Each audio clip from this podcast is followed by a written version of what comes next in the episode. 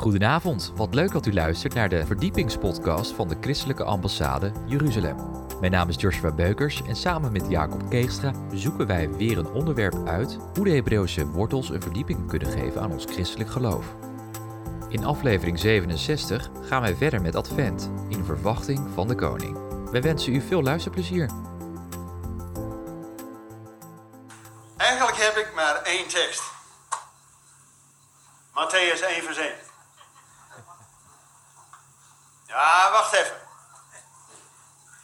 Advent, wat verwacht je? En in deze week vol verwachting klopt ons. Kijk, en ik denk dat er ook nog wel wat vaders en zeker ook moeders druk zijn om die verwachting handen en voeten te geven. Oftewel, de vraag is, wat verwachten wij? En wat verwacht Israël? Kijk, de eerste komst, moeder met kind, Madonna with child, dat wordt in alle godsdiensten verwacht. En aanbeden zelfs. Maar wij verwachten niet alleen een babytje. We verwachten de grote koning. En de weg erheen heeft wat omwegen gehad. Maar wat en wie verwacht men? Matthäus 1, vers 1. Wat staat daar? Geslachtsregister van Jezus Christus, de zoon van David, de zoon van Abraham. Tot zover. Mensen, in deze ene tekst ligt heel het Oude Testament opgesloten. Met andere woorden, het Nieuwe Testament is niet te lezen zonder het eerste verbond.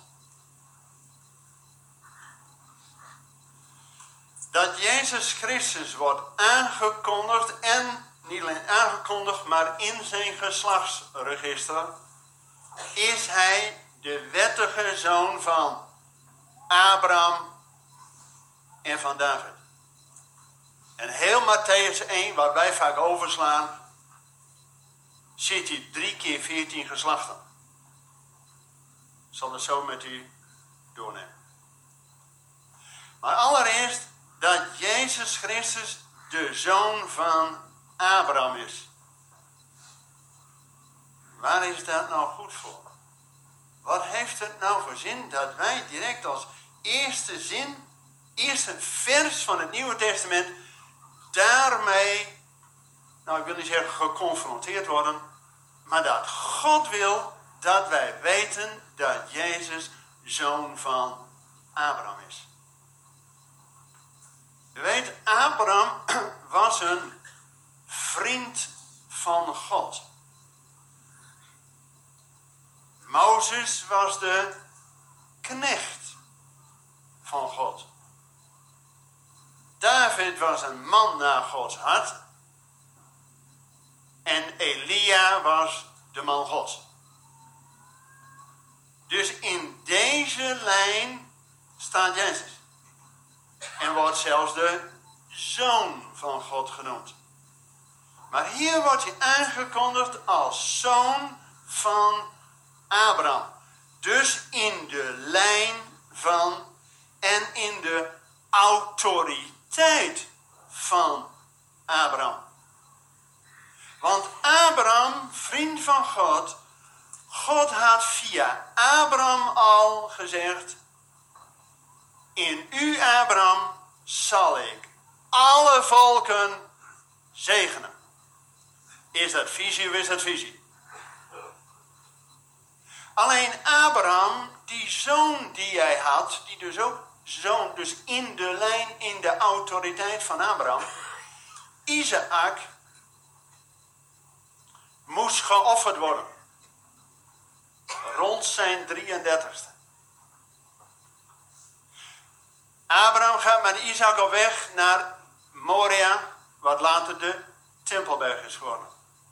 En op het allerlaatste moment dat Abraham hem eigenlijk al overgegeven heeft, zegt die engel: Stop. En dan gaat God voorzien, Jere, Shalom, Jeruzalem. Maar in plaats van Isaac werd hier ram geofferd. Als je ram offert, heb je twee shofaars.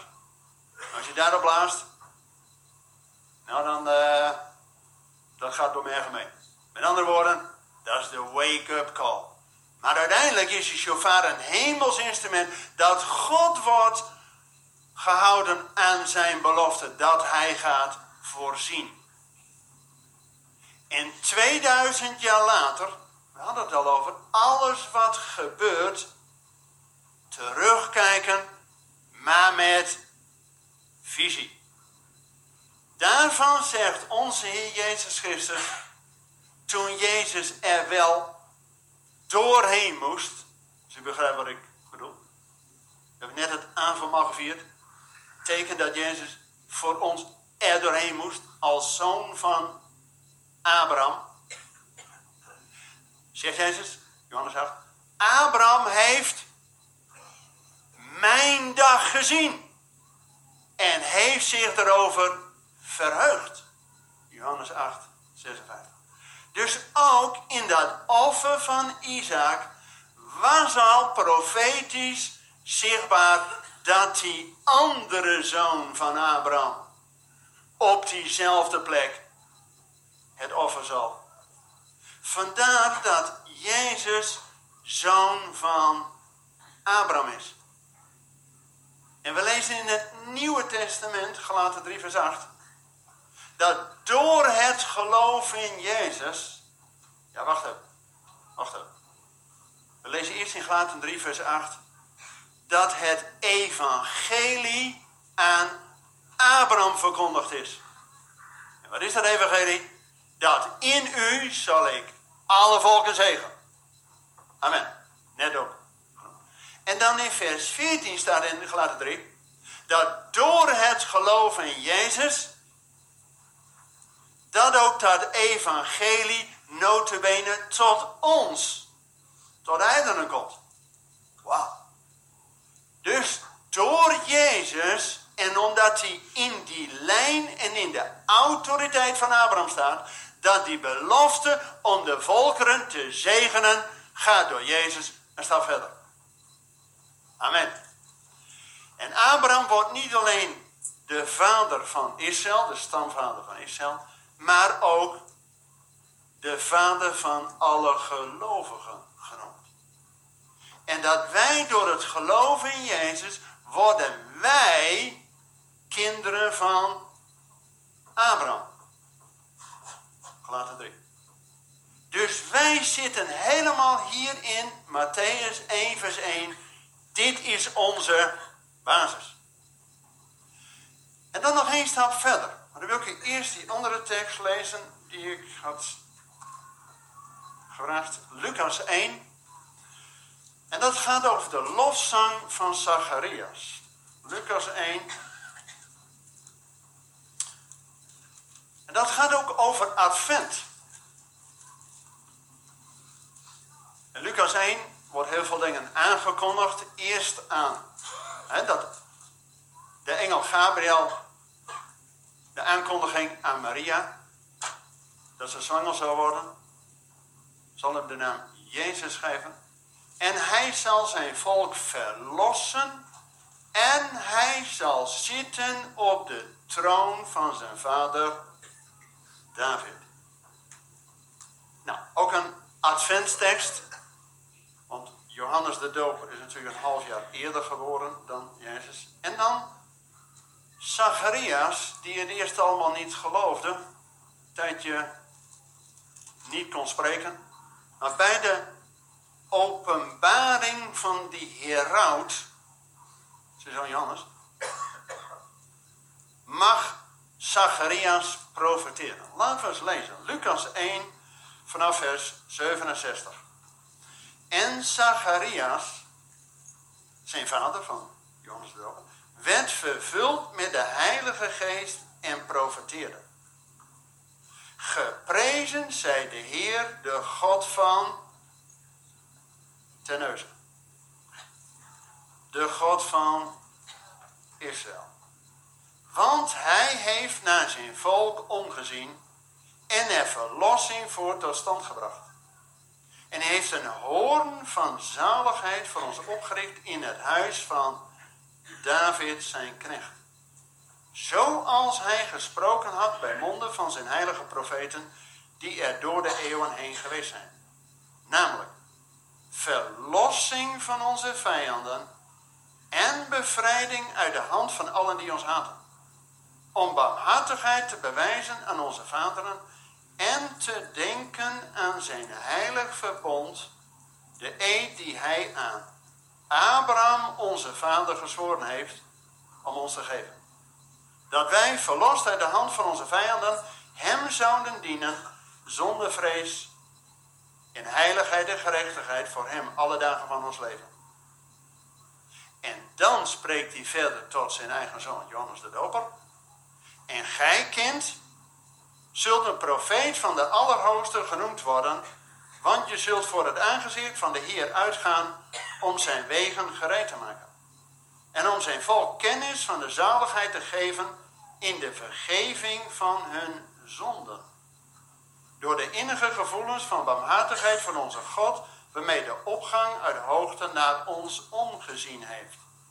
Om te verschijnen aan hen die gezeten zijn in duisternis en schaduw van de dood en om onze voeten te richten op de weg van de vrede.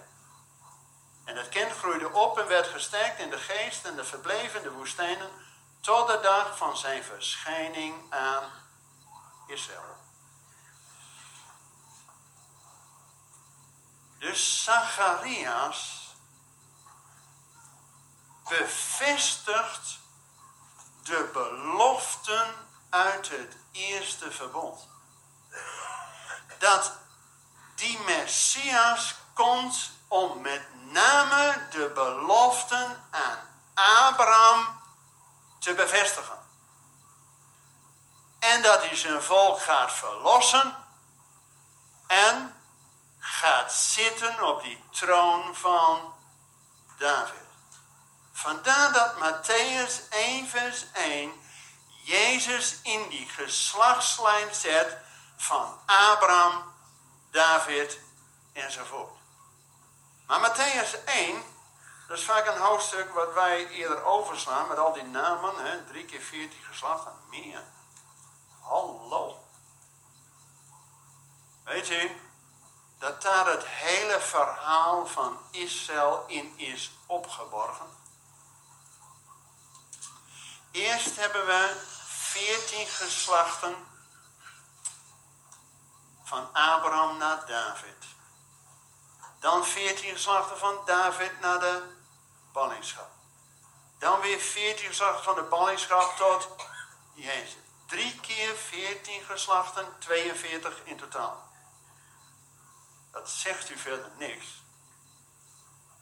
Maar Israël, als het uit Egypte, vanuit de duisternis, naar het beloofde land gaan, hebben ze drie keer veertien pleisterplaatsen. Eerst vanuit Egypte naar het, de grens met Israël, Kades Barnea. Veertien geslachten, veertien pleisterplaatsen ging Israël omhoog. Alia. Naar het beloofde land. Alleen toen hebben ze twaalf verspieders uitgezonden. En tien zeiden, oeh, grote jongens daar. Die andere twee zei, hoe groter ze zijn, hoe moeilijker we ze kunnen missen. Het is maar net, de ene gelooft het en de andere gelooft het wel. En dat is ook bij ons. De ene helft gelooft het, de andere gelooft het. Maar Israël moest daarna 14 etages, 14 pleisterplaatsen terug ze 38 jaar over gedaan. En dan met die nieuwe leider, die Joshua, dezelfde naam als Yeshua, gaan ze weer 14 plaatsen omhoog en dan door de Jordaan het beloofde land in. Drie keer 14. En ook Jezus, die één is met zijn volk, drie keer 14 geslachten. In 14, in de Hebreeuwse taal, is een getalswaarde van de naam David. Logisch dat David hier een centrale rol in speelt. Dat hij niet alleen de geliefde is, de geliefde zoon van de vader, maar ook die koning. Alleen, die David, en dat hebben we al met het aanval ook gehoord, die David had eerst ook die moeilijkheden. Zijn schoonvader was koning en hij moest vluchten. En als dan eenmaal David op die troon zit, eerst in Hebron, zeven jaar over zijn eigen stam Juda. En als zijn schoonvader Saul sterft, samen met Jonathan, zijn grote vriend, dan vraagt heel Israël, word ook koning over ons. jij was al de schoon, van de koning, je ging vroeger voor ons in de strijd, dus wij willen dat jij koning wordt. En dan doet David een meesterzet. Hij zegt niet tegen de grootste club, de tien eh, stammen, nou kom er maar bij. Veel mensen zouden hier nog een les uit kunnen halen. Als je gaat fuseren, dan moet je nooit tegen de grootste club zeggen, tegen de kleinste, nou kom er bij. Of andersom. Dan zou iedereen zich misdeeld voelen. Hij heeft inzicht. Hij zegt, we gaan iets nieuws doen voor beide. Moet je nagaan dat die stad Jebus was nooit veroverd vanaf Josia, noem maar op. Dus 400 jaar lang heeft Israël Jericho, uh, Bethlehem, Hebron en uh, de rest. Maar Jebus nog steeds niet. 400 jaar. Ook Israël zat 400 jaar in Egypte. Dan duurt het nog 400 jaar totdat God zijn rustplaats krijgt in Jeruzalem. En daar die tempel komt. Het is ook 400 jaar na de laatste profeet uit het Oude Testament, voordat Gabriel bij Maria komt. En in de Hebreeuwse taal, de laatste letter van hun alfabet, de taf, getalswaarde 400. Dus als 400 vol is, dan is tijd voor iets nieuws. Toen 400 jaar in Egypte was het tijd voor iets nieuws. Get out. 400 jaar radiostilte was er tijd voor een nieuwe boodschap. En die wijst terug op Matthäus 1. Dat hij in die lijn zit van die drie keer 14. Om tot het beloofde land, tot die koninklijke heerlijkheid te komen.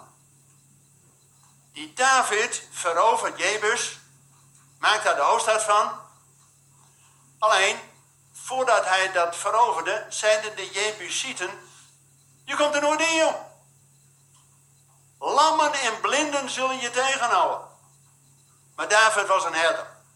Je weet waar het water is, daar is leven, daar mooi wezen. Dat is een zwakke schakel van zo'n stad. Dus via de waterpoort gaan ze die stad binnen. En hij verklaart dat iedereen welkom is in die stad die inmiddels Jeru Shalom, weet u? In die lijn van Abraham, weet u? Dat God gaat voorzien in zijn shalom. En David zegt, lammen en blinden zullen hier nooit inkomen. Nou, als dan bij David wordt al een aanzet gegeven om die tempel te bouwen. David heeft die ark naar Jeruzalem gehaald. Wil de Heer een huis bouwen. Maar God zegt nee. Jij hebt te veel bloed aan je handen. Maar die zoon van jou, zoon van David, Salomo, die zal mij een huis bouwen. Nou, dat is gebeurd. Alleen, die duizend jaar tussen David en Jezus mochten lammen en blinden nooit bij de eredienst komen. Weet u wat onze Heer Jezus Christus gedaan heeft bij zijn eerste komst? Heeft hij aan de noordkant van de Tempelberg, badwater van Bethesda, heeft hij een man, niet met name genoemd, maar een Jood, die 38 jaar geen hoop had, heeft Jezus genezen. En die kon dan voor het eerst in zijn leven de tempel in. Weet je wat Jezus daar doet? Een Israëliet die 38 jaar geen hoop had, is een beeld van Israël die 38 jaar niet het beloofde land in mocht, maar terug de woestijn rondjes draaien. Zonder visie, zonder hoop.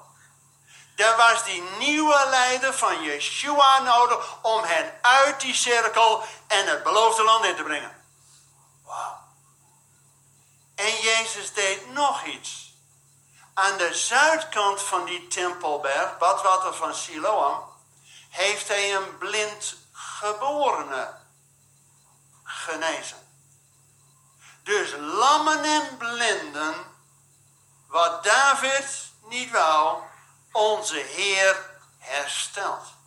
Mensen, we hebben avondmaal gevierd, hoe u er ook bij loopt, of als u geestelijk mank of blind of weet ik wat bent, door het avondmaal krijgen we een nieuwe kans.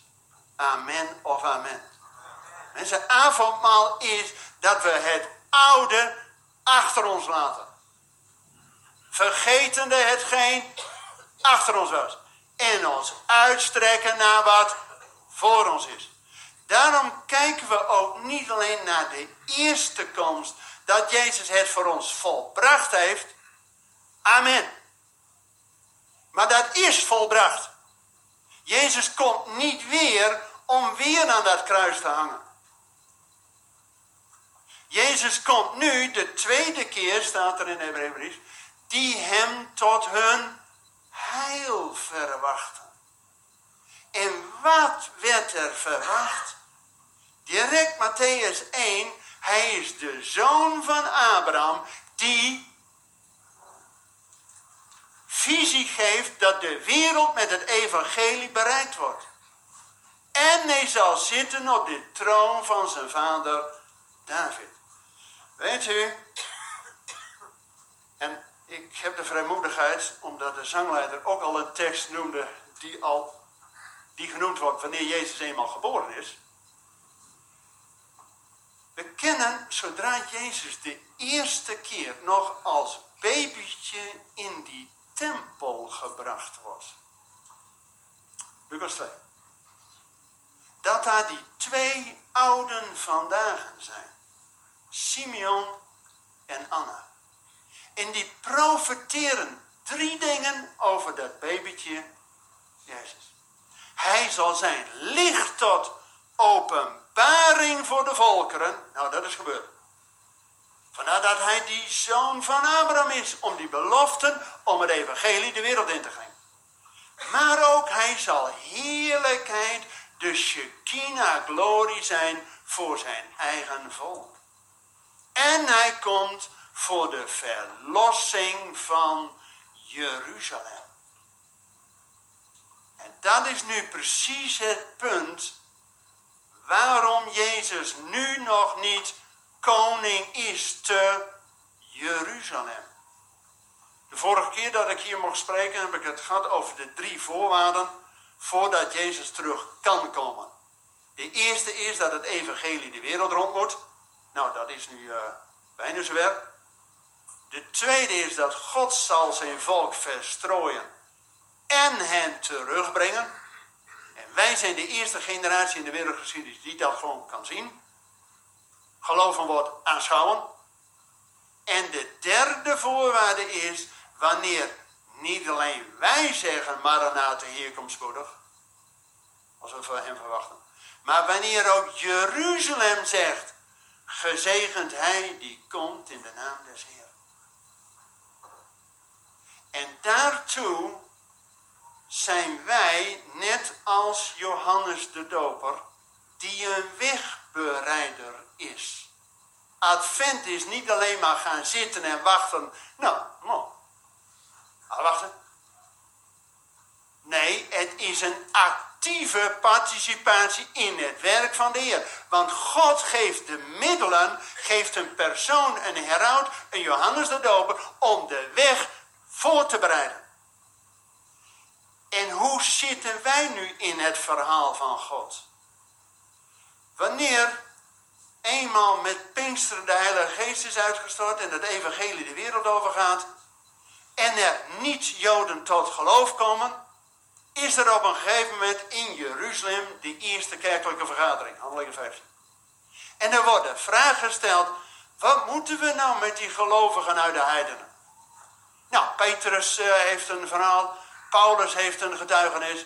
En dan komt Jacobus, de halfbroer van Jezus, het hoofd van de gemeente de Jeruzalem. En die zegt, hierheen overeenstemmen de profeten, dat juist die gelovigen uit de heidenen een onderdeel is, een begin is van het herstel van het huis van David.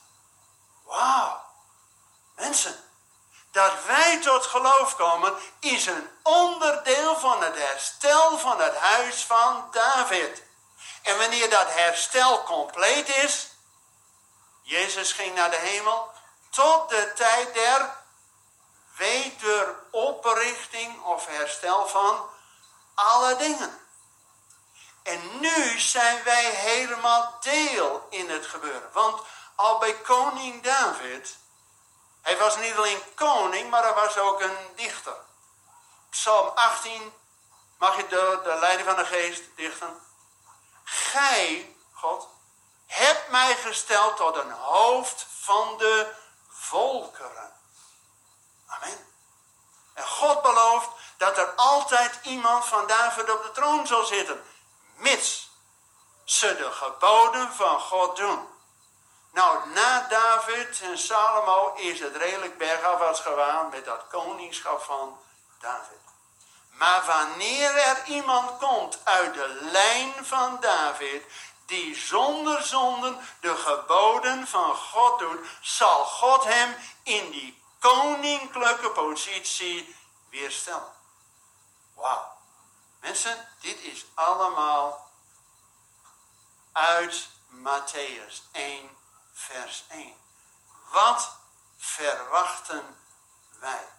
Het is met kerst natuurlijk heel makkelijk te verwachten. Oh, dat kindje in de kribbe en uh, lekker eten erbij. Amen. Maar verwachten wij ook die tweede komst en mag God ons ook inzetten in zijn plan als een heraut, als een wegbereider om het koninkrijk voor te bereiden? Dat is de vraag. Zullen we daarvoor bidden, mensen? Want meer preken is prima, maar we hebben Gods hulp daarbij nodig om te snappen waarop het aankomt. Mag ik u voorgaan in?